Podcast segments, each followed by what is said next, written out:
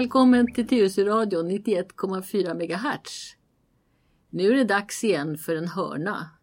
Jag heter Lena Hjelmerus och den här hörnan heter ju då förstås Doktor Lenas hörna eftersom jag är doktor. Och här i studion så sitter jag med en annan person. Ja, det är Leif Bratte som ska vara folkets röst. Ja, och det är en ansvarsfull och ganska svår position för du ska ju täcka 6000 åsikter. Kanske mer? 46 000 46 000 åsikter. Ja. Oj, oj, oj. Eh, och jag, jag behöver ju bara stå för mina egna. Men idag så ska jag skryta lite faktiskt och säga att det här är jag rätt bra på. För idag så ska vi prata om smärta. Och det är någonting som jag har hållit på med väldigt mycket på den tiden jag var kanske mera aktiv än vad jag är idag. Som doktor alltså. Jaha, var ska vi börja någonstans Leif? Ja, för det första så blir jag lite från Man brukar säga läkare men du säger doktor. Är det någon skillnad? Nej, det är det inte. Det, det heter väl egentligen läkare i professionen. Ibland känner jag mig lite mera bekväm med ordet doktor eftersom jag har inte använt vit rock i mitt arbete. Jag har jobbat med hemsjukvård och då klev man ur den vita rocken. Och då blev man kanske också mera doktor än vad man blev läkare. Det låter så sjukhusmässigt, läkare. Det viktiga är att personen fråga blev frisk i alla fall oavsett titel. Ja, det hoppas jag att eh, åtminstone, kanske inte frisk, men att man mådde bättre. Därför att jag jobbade ju då med människor i livets slutskede och de blir inte så ofta friska. De mår bättre. Ja, men det är väl lovvärt? Det är mycket lovvärt. Ja, då var det smärta vi skulle ägna oss åt. Ja. ja, när du talade om det för mig så tänkte jag smärta. Först tänkte jag så här. Man pratar ibland om ledverk. Mm. Och när blir ledverk smärta eller när blir verk smärta? Ja, och vet du vad? En gång så skulle jag utbilda en utländsk läkare i, i medicinskt språk och då kom han med ett A4-ark till mig, alltså ett vanligt pappersark, med två spalter med ord som alla betydde någonting med smärta. Och så skulle jag förhöra honom på alla de här orden. Vi har alltså väldigt många ord i vårt språk för att beskriva den här obehagskänslan.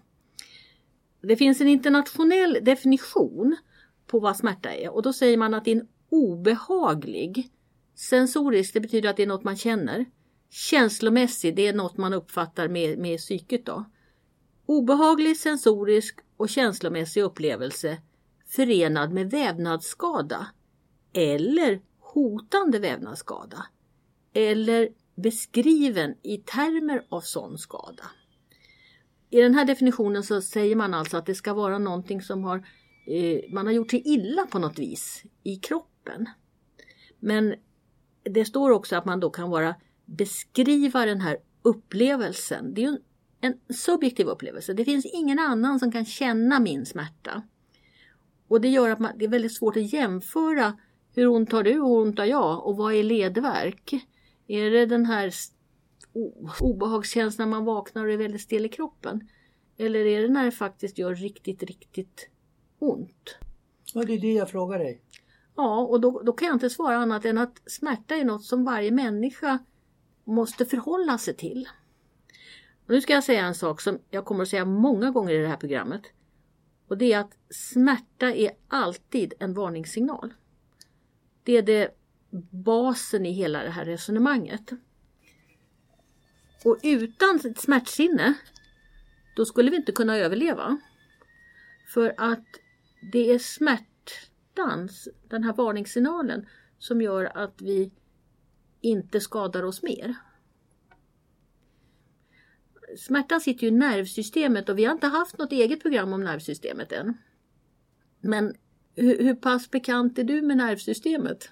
Nej, jag har bara sett sådana, säger man anatomiska bilder, alltså uppfläkta plansch, eller eh, planscher med uppfläkta kroppar och ja. där går lite blodådror, alltså tunna trådar och så går det några andra trådar som heter nervtrådar då. Ja. Och då har jag förstått att eh, många av de där, alltså det finns olika typer då av Alltså de känner olika saker. Beröring känner någon. Mm. Och sen går de in då i ryggraden och upp i hjärnan. Och sen har jag också begripit att eh, även om jag amputerar benet, ett ben, säg högerbenet, så kan jag känna i hjärnan att jag har ont i höger tå, alltså lilltå, fast den inte finns längre. Ja. Det är vad jag vet ungefär. Ma- Man pratar om det centrala nervsystemet och det är alltså då hjärnan och sen så kommer det ner i nacken något som heter förlängda märgen. Och sen det du sa i ryggraden, det är egentligen ryggmärgen som ligger inuti ryggraden. Väldigt välskyddad. Och sen så från ryggmärgen, ryggmärgskanalen då, så går det ut ledningar eh, på varje eh, nivå i kroppen. Och då har man en nivå för varje kota. Ända ner till midjan. De nedersta kotorna, där har eh, den här ryggmärgen blivit som en, en bunt med fibrer. Och de kallas faktiskt för hästsvansen på latin. Då. Sen när nerverna har lämnat ryggraden och, och ryggmärgen, då kopplas de ihop. Och då finns det två stora hopkopplingsställen, en uppe i axelhöjd och en nere vid höfterna ungefär. Och sen går nerverna vidare ut i kroppen. Sen finns det 12 stycken nervtrådar som går direkt från hjärnan ner till ansiktet. Till svalget och tungan och så finns det en av de där 12, det är nummer tio. Den sticker ner inuti kroppen i magen. Och den är ganska viktig för den påverkar både hjärta och tarmar och inre organ och den heter vagus. Men sen har vi ett nervsystem till och det är det autonoma nervsystemet och det tänkte jag inte prata om idag. Men det är ett ett eh, kompletterande nervsystem som finns inuti kroppen. Men det går på insidan av skelett, ryggraden, närmare stora kroppspulsådern. Och det autonoma nervsystemet det har att göra med hur våra inre organ styrs. Men smärtan den går i det här centrala systemet. Jag Hade det här med beröring. Längst ut i skinnet, kropp, kroppen är ju täckt av skinn, hela utsidan. Och i skinnet så finns det känselkroppar. Ungefär som när man kör bil och så har man någonting under bilen som talar om på en liten display inne i bilen hur kallt det är ute och när det börjar bli risk för halka och sådär. Vi har sådana här känselkroppar för kyla och för värme och för lätt beröring när man bara nuddar någonting. Och för tryck när man har en starkare tryck mot huden. Och så har vi för smärta. Och de där första, kyla, värme, beröring och tryck. Om man stimulerar dem riktigt kraftigt, då signalerar de smärta också. Om det till exempel är jättevarmt eller jättekallt så slår det över och blir även en smärtsignal. Det blir liksom ett, en eh, ja, lite kortslutning kanske man kan säga. Men smärtreceptorer, smärtkänselkroppar, det finns det ganska mycket i kroppen. På en del ställen finns det mera och på en del ställen finns det lite mindre. Men det finns också inuti kroppen i alla hinnor som omger skelettet, i alla kapslar som omger alla inre organ. Ett tag trodde man att man inte hade några smärtreceptorer inuti organen. Nu finns det de som säger att det har vi nog kanske i alla fall. Men det är framförallt i de här kapslarna runt omkring. Sen ska ju alltså då, den, när den här känselkroppen börjar aktiveras så sänder den en elektrisk signal tillbaka upp till hjärnan. Och då finns det två sorter. Det finns en som går jättesnabbt, 20 meter per sekund. Men tänk då, man är två meter lång högst. Ja, inte högst Ja, men, men det- 1,80 det, det går ganska fort genom Det går kroppen. jättefort. Och eh, den går i någonting då som heter A-fibrer. Och den går ibland bara till ryggmärgen och tillbaka igen. Och det är sådana här när man rycker till, eh, reflex. Man tar i något som är väldigt varmt så rycker man till utan att liksom be- man behöver tänka på att nu brände jag mig. Och då går det först upp till hjärnan lite senare när man inser att oj, nu har jag bränt mig. Men när man har redan hunnit få den här reflexen när man släpper ja, av det här stimulit. Eh, sen finns det en annan eh, fiber som är lite långsammare. Den är två meter per sekund men det är ganska långt. Det går ganska fort det också. Eh, och de kallas för C-fibrer. Och det är där det mesta av smärtan signaleras. Och då går de alltså från alla de här känselkropparna och nervtrådarna. Det samlas upp i ryggmärgen. Och ryggmärgen ser ut som ett H när man skär ryggmärgen tvärs igenom. Och då kallas det för bakhorn och framhorn och smärtan går i bakhornen. Det finns alltså, vad ska vi säga, en motorväg upp till hjärnan. En på höger sida, en på vänster sida. Och baktill så går det uppåt och i framhornen så går det från hjärnan och ut i kroppen. Så det är en, en rätt så stor motorväg. Sen kommer signalerna upp till ett ställe som sitter ungefär innanför örat, lite längre framåt. Mellan, man kan säga mellan ögat och örat ungefär någonstans där inne i hjärnan. Och det heter talamus och det är det stora smärtcentrat. Sen från talamus så går det signaler upp till hjärnbarken och fram till pannloberna för att vi ska liksom förstå vad, vad är det här för smärta och vi ska komma ihåg, för det är en, nu säger jag det igen, det är en varningssignal. Och då måste vi fatta att det här är en varningssignal. Och det gör vi först när den här signalen har kommit upp till eh, hjärnbarken med det vi tänker med. Talamus tänker vi nog inte så mycket med tror jag utan det är nog bara att vi, vi samlar in informationen i talamus. Men sen är det i minnet och reflektionen och tankarna det sitter i andra delar av hjärnan. Får jag fråga dig hur du beskrev då det centrala nervsystemet. Har jag fattat fel? Men jag tycker mig minnas ett begrepp det perifera nervsystemet. Finns ja. det begreppet? Ja, då, det finns också men det, just nu tillhör det nog när jag pratar om det här det centrala eh, för att göra det lite förvirrat. Eh, men det är alltså när det är ute i kroppen, alla de här känselkropparna kallade man det förr ibland för det perifera systemet. Men det är ju samma system som hjärnan och ute i känselkropparna. Men får jag återgå till det här då med ledverk som jag, jag tänker på, vi har haft ett program om osteoporos, alltså benskörhet som kan ge, alltså på grund av förklenat skelett så kan man känna smärta. Det gör ont i lederna.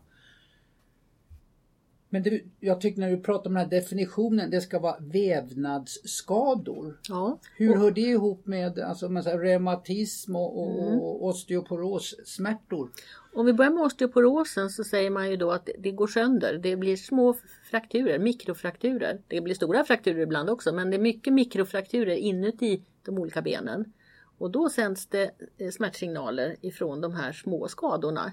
Där det liksom hela tiden kraschar lite grann och så byggs det nytt och så byggs det lite fel och så blir det belastningar. Och så, så fort man drar i de här hinnorna, antingen att de svullnar lite eller att det drar i dem, så blir det en smärtsignal.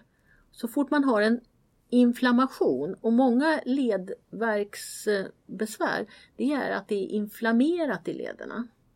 Och inflam i den inflammatoriska reaktionen så bildas det små kemiska ämnen som sätter igång smärtsignalen. Eh, de här smärtreceptorerna är jättekänsliga för de, de kemiska ämnen som bildas när det börjar bli rött och bulta och svullet. Och, ja, du vet hur det är när man har fått en sticka i fingret eller vad det nu mm. man, man har fått. En geting har stuckit Ja, en inflammation. Och många av ledverken det är inflammationer i hinnor som omger lederna. Och det räcker alltså med en ganska liten svullnad för att man ska få rätt mycket smärta. Kan man då säga så här så att vi, vi använder språket på samma sätt att när du pratar om hinnor och så, det är vävnader också. Ja, så, det är det. Så det är därför man kan säga vävnadsskador, ja. hin, hinskador eller. Ja. ja. Allt, allt, allt i kroppen är ju nästan vävnad. Det enda mm. som inte är vävnad det är hålen där det är tomt. Ja. Eller om ibland så har man ju eh, vätska, vatten inne i kroppen. Eh, och det är kanske inte heller alltid faller under begreppet vävnad. Men vad säger du då om ryggskott? Det kan ju göra ont. Det gör jätteont. Men det är väl ingen eh, vävnadsskada? Jo. Jaha. De här smärtreceptorerna som sänder en signal, de kallas med ett annat ord ibland för nociceptorer. Det är alltså, när jag säger smärtreceptor så kan jag lika gärna säga nociceptor. Men sen kan du också tänka dig att du, själva nervcellen blir tillklämd eller lite, ja, kanske till och med går av. Och då får man en neurogen smärta. Alltså smärtan uppstår inte i en smärtreceptor utan den börjar direkt i nervcellen som har fått sig en kyss ordentligt. Och det är det som händer vid ryggskott. Därför att då är det de stora nervfiberbuntarna, de riktigt tjocka nerverna, som eh, ryggraden kommer lite på sniskan. En, en av diskarna kanske puttar ut och klämmer lite grann mot någon av de här nerverna och då får man en neurogens smärta. Och det som är typiskt för den, det är att den är väldigt intensiv. För det är ju nerven, nervcellen själv som då blir, eh, börjar sända smärtsignaler. Och sen så är det också väldigt typiskt att de vanliga verkmedicinerna de funkar ganska dåligt på neurogen smärta. Men om man tittar på smärtbegreppet som helhet så är den allra mesta smärtan nociceptiv. Alltså kommer från smärtreceptorer någonstans i kroppen. Och det är ju tur det. För då har vi ju ändå möjlighet att lindra den smärtan med vanliga mediciner. Men om då, jag känner ju, eller så känner, det finns ju ordet smärta används eh, lite mer, tycker jag, lite mer omfattande men då kanske inte medicinskt. Men nu ett litet larvigt exempel och ett lite mer allvarligt exempel. Då men när man var i yngre tonåren och, och man var förälskad och, och, och, upp över öronen och så gör eh, flickvännen slut med en. Helt obegripligt. Men det kan ju göra ont i hela kroppen. Ja, vem har inte hört Lena Philipsson sjunga Det gör ont, det gör ont, det gör ont. Ja. ja. Ehm. Den är inte medicinsk den smärtan. Nej. Men, men... varför, varför, varför känner... Alltså, det är klart att man blir ledsen och så men alltså det, det kan ju ibland vara om man är störtkär så kan det ju bli som att det gör ont i hela kroppen. Alltså smärta är inte så enkelt. Jag känner en kvinna, nu lever hon inte längre, men hon hette Dame Cicely Saunders. Och hon, hon är Dame då för att hon adlades. Hon jobbade med eh, döende cancerpatienter i London. Det finns väldigt mycket att säga om Dame Cicely Saunders för det, bland det viktigaste hon gjorde det var att hon tog fram ett begrepp eh, Concept of Total Pain, alltså totala smärtbegreppet. Och då delade hon in smärta, hon tittade på smärta med, med, från olika håll. Dels den här fysiska smärtan, det är den vi har pratat om nu. Nervtrådarna, smärtreceptorerna, hur signalen går genom kroppen och upp till talamos och ut i hjärnan. Men sen införde hon ett begrepp där hon talade om psykisk smärta. Det vill säga det här att inte få sova för att det gör ont, att vara ledsen och deprimerad. Ja, olycklig kärlek då. Hur, hur vårt sinnestillstånd direkt faktiskt påverkas i, i kroppen och där vi kan känna smärta faktiskt även när vi är olyckliga.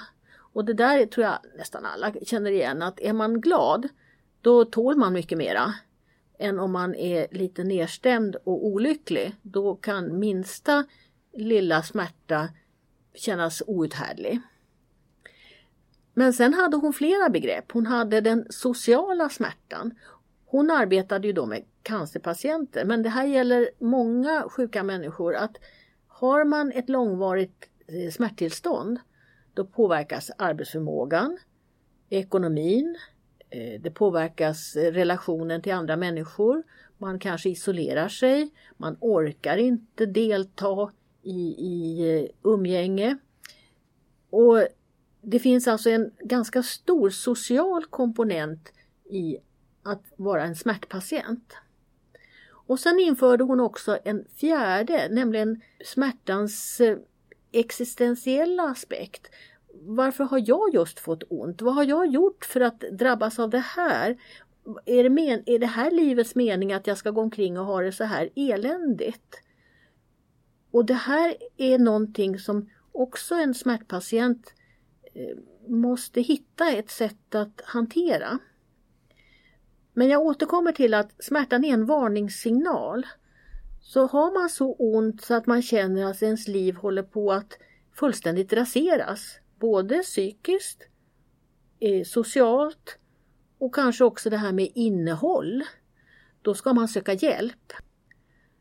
Och att söka någon för att man har ont, det är ju ganska naturligt egentligen. Man räknar med att 80% av alla som går till en vårdcentral gör det därför att de har ont. Och många går väl dit kanske också för att få recept på någon värkmedicin. Men att vi tar smärta på allvar och att vi lyssnar på människor som har ont och försöker förstå inte bara hur ont de har utan också vilka konsekvenser har den här smärtan just för den här människan. Vad, vad för det med sig? Nu slog det mig helt plötsligt. Min hustru hon började sin karriär eller väldigt tidigt i sin medicinska karriär, hon var sjuksköterska på smärtmottagningen på Södersjukhuset. Ja, och det finns smärtmottagningar på alla större sjukhus. Och de flesta vårdcentraler har nog också någon kontakt som är lite duktigare på smärta än vad andra är. För det här med smärta, det är ganska svårt. Får jag nog ändå säga, jag som har sysslat med det nästan hela mitt yrkesverksamma liv. Eh, nu ska jag, jag skulle säga en, en, en allvarlig komponent och kanske en mer då det här med kär, sorg och smärta. Men det är väl då det här äh, sociala eller psykiska? Ja, existentiella meningen med, med att till exempel förlora en partner. Det är klart att det gör ont. Vi, för att kunna överleva så behöver vi alltså på något vis hitta metoder eller knep för att hantera livssmärtan. Det, är ju inte bara en, det är alltså inte bara en fysisk smärta utan det finns också en smärta i det här att vara människa och leva. Det, det, det går inte att leva smärtfritt men det går att leva Engelsmännen har ett uttryck som kallas för smärtkontroll. Alltså att man har någon form av eh, struktur kring smärtupplevelsen. Det finns en annan läkare här i Sverige som heter Gunilla Brattberg som startade verkstaden och hon jobbar mycket med det här att hur man hanterar att leva med långvarig kronisk smärta. Ska jag då från folkets djup då, eh, för just det här breda användandet av ordet smärta. I den svenska slagervärlden så är väl det vanligaste rimmet nästan hjärta och smärta. Eh, det kanske har med olycklig kärlek att göra eller? Ja, ja. ja men alltså relationer till andra människor är ju jätteviktigt. Och både att relationer går sönder därför att man inte kan hantera sin livssmärta. Eller tvärtom att en trasig relation utlöser livssmärta. Nu alltså vi läkare, eller doktorer då, läkarna ska vi använda professionsnamnet vi är väl inte så jättebra på hjärtesmärta. Ibland så kanske det är bättre att en, en människa med, med den problematiken söker sig till en psykolog eller kanske varför inte till en präst. Men vi kan i alla fall lite grann. Och många läkare är väl tränade i att lyssna. Men om vi nu pratar då om den medicinska smärtan, alltså lite mer inne i kroppen och inte de här runt omkring smärtorna hur bra är vi på att lindra smärta då? Och utan allt för mycket biverkningar? Vi har blivit bättre. Eh, när jag började med eh, arbetet med de döende patienterna 1982 då var vi tvungna att skriva individuella licenser för att få morfin. Alltså för varje patient som skulle ha morfin så fick vi lov att skriva en begäran om en licens. Det låter det som 1800-tal när jag pratar om det idag men det var 1982. Sen så har det under 80 och 90-talet utvecklats både en, en, kunskap om att hantera starka mediciner, eh, vi har fått fram nya starka mediciner och vi har fått fram olika sätt att få in dem i kroppen. Och framförallt pratar jag nu om cancerpatienter därför att cancerdiagnosen är väldigt hög grad förknippad med smärta. Det har med, med själva naturen, hur, hur cancer växer. Att den ställer till väldigt mycket med de här smärtreceptorerna. Men där är vi bra idag. Vi, vi kan kontrollera nästan all smärta hos cancerpatienter. Vi är lite sämre när det gäller de som till exempel har eh, kronisk smärta efter en trafikolycka eller kronisk smärta på grund av en dålig rygg. Och det har delvis att göra med att många av de här starka smärtstillande medicinerna är beroendeframkallande. En cancerpatient, där är smärtan ofta så stark så att det blir aldrig något problem. En, en cancerpatient blir egentligen aldrig narkoman så länge man tillför eh, de här starka medicinerna i form av tabletter eller lösningar eller plåster. Börjar man spruta de här medlen direkt in i blodet då blir nog alla beroende då är alla beroendeframkallande.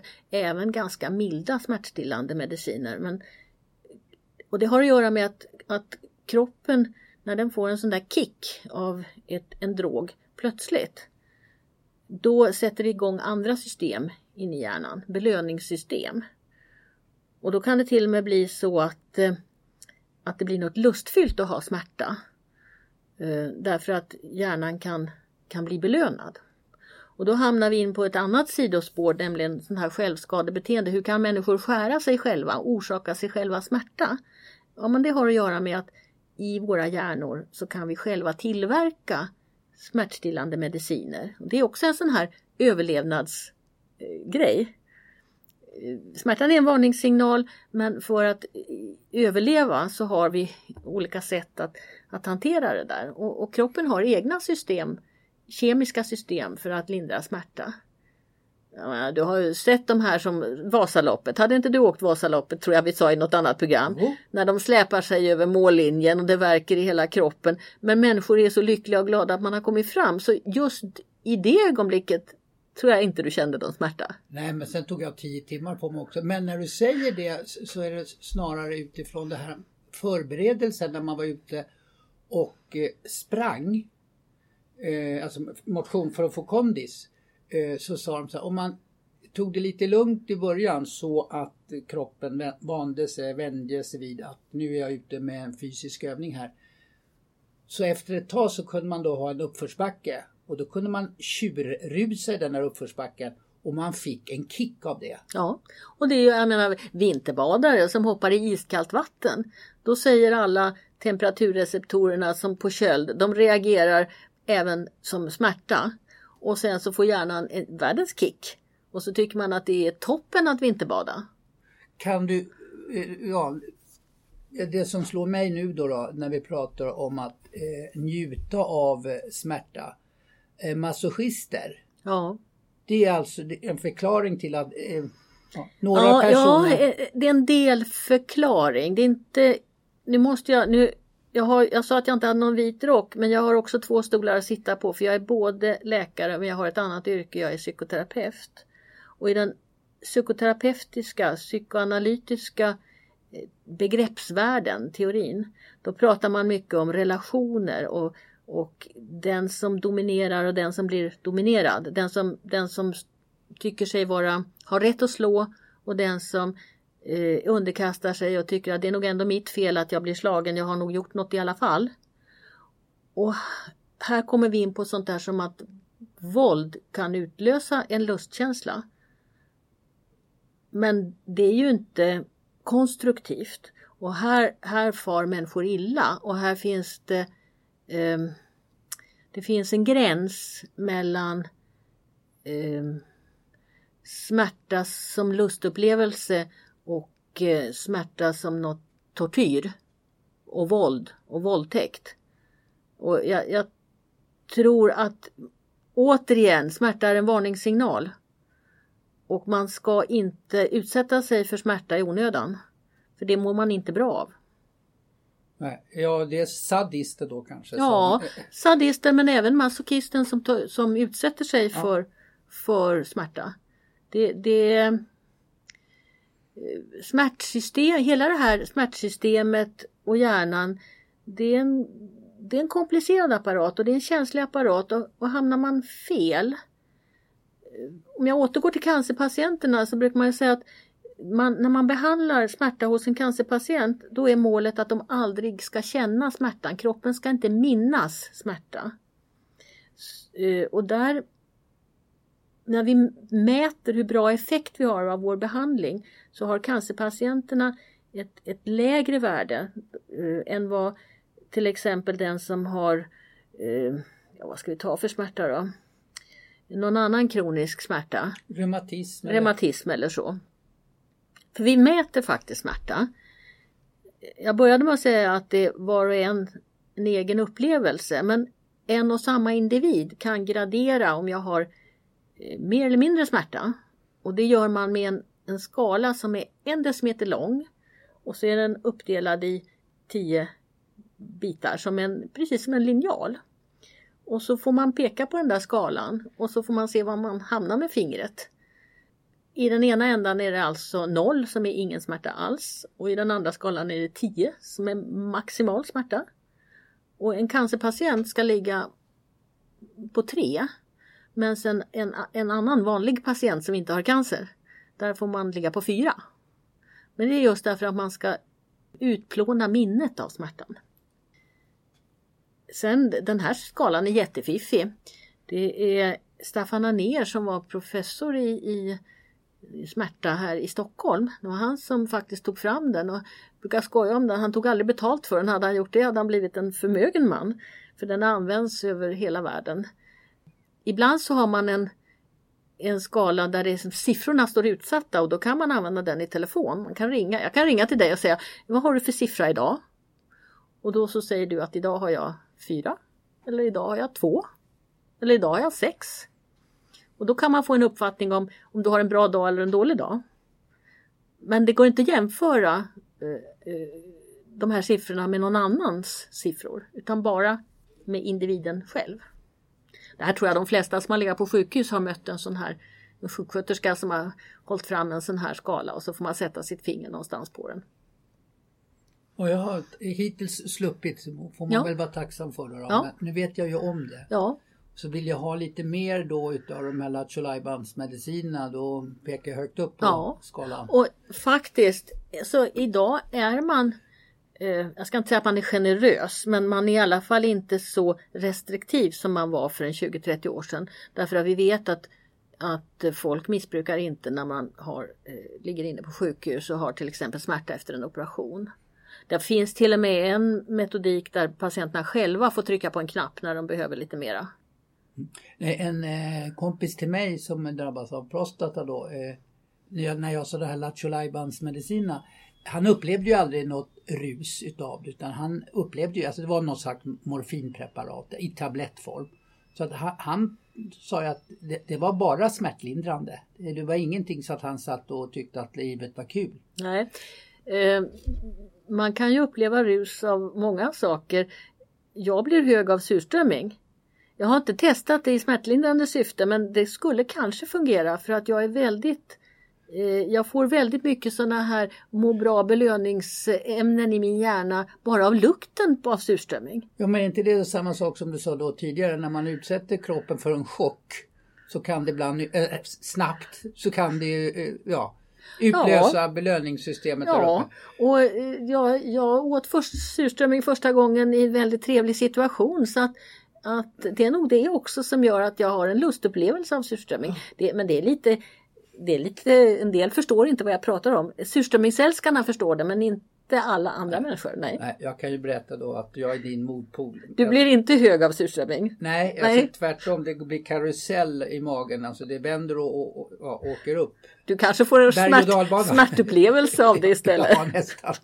Ja. Jag har försökt jag säga, men det har inte funkat på nej. mig att uppleva någon njutning. Men, men alltså sånt här som akupunktur till exempel och det finns någonting som heter TNS. Det finns något som heter taktil massage. Vi har också varma bad och trevlig musik. Sånt här kan man också använda som smärtlindring. När det gäller akupunktur och TNS då är det eh, tekniker som direkt påverkar smärtsinnet. Eh, men eh, det finns alltså många andra sätt att också lindra smärta. Du, det är så mycket att säga om det här med smärta. Så att egentligen kanske vi skulle göra ett program till. Men samtidigt så nu går vi mot sommaren och vi kanske ska göra något roligt program nästa program istället. Smärta är ju onekligen lite tungt. Ja, ja, men eh, tungt. Eller så kan jag få bjuda dig på surströmming. Nej, ja just det. det vi... Fjolårets.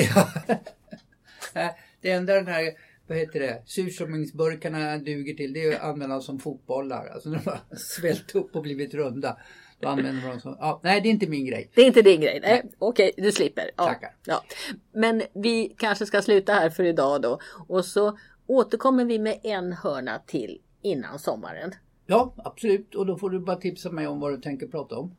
Ja, vi får slå huvudena ihop ett tag här och se om vi hittar något lite roligare ämne. Ja, men du får vara försiktig då när du, så att inte jag får smärta av ditt, ja. din danska skalle. Ja, vi ska ta det försiktigt och ingen surströmming, jag lovar. Okej. Okay. Mm, det är bra. Tack ska du ha för idag. Tack själv.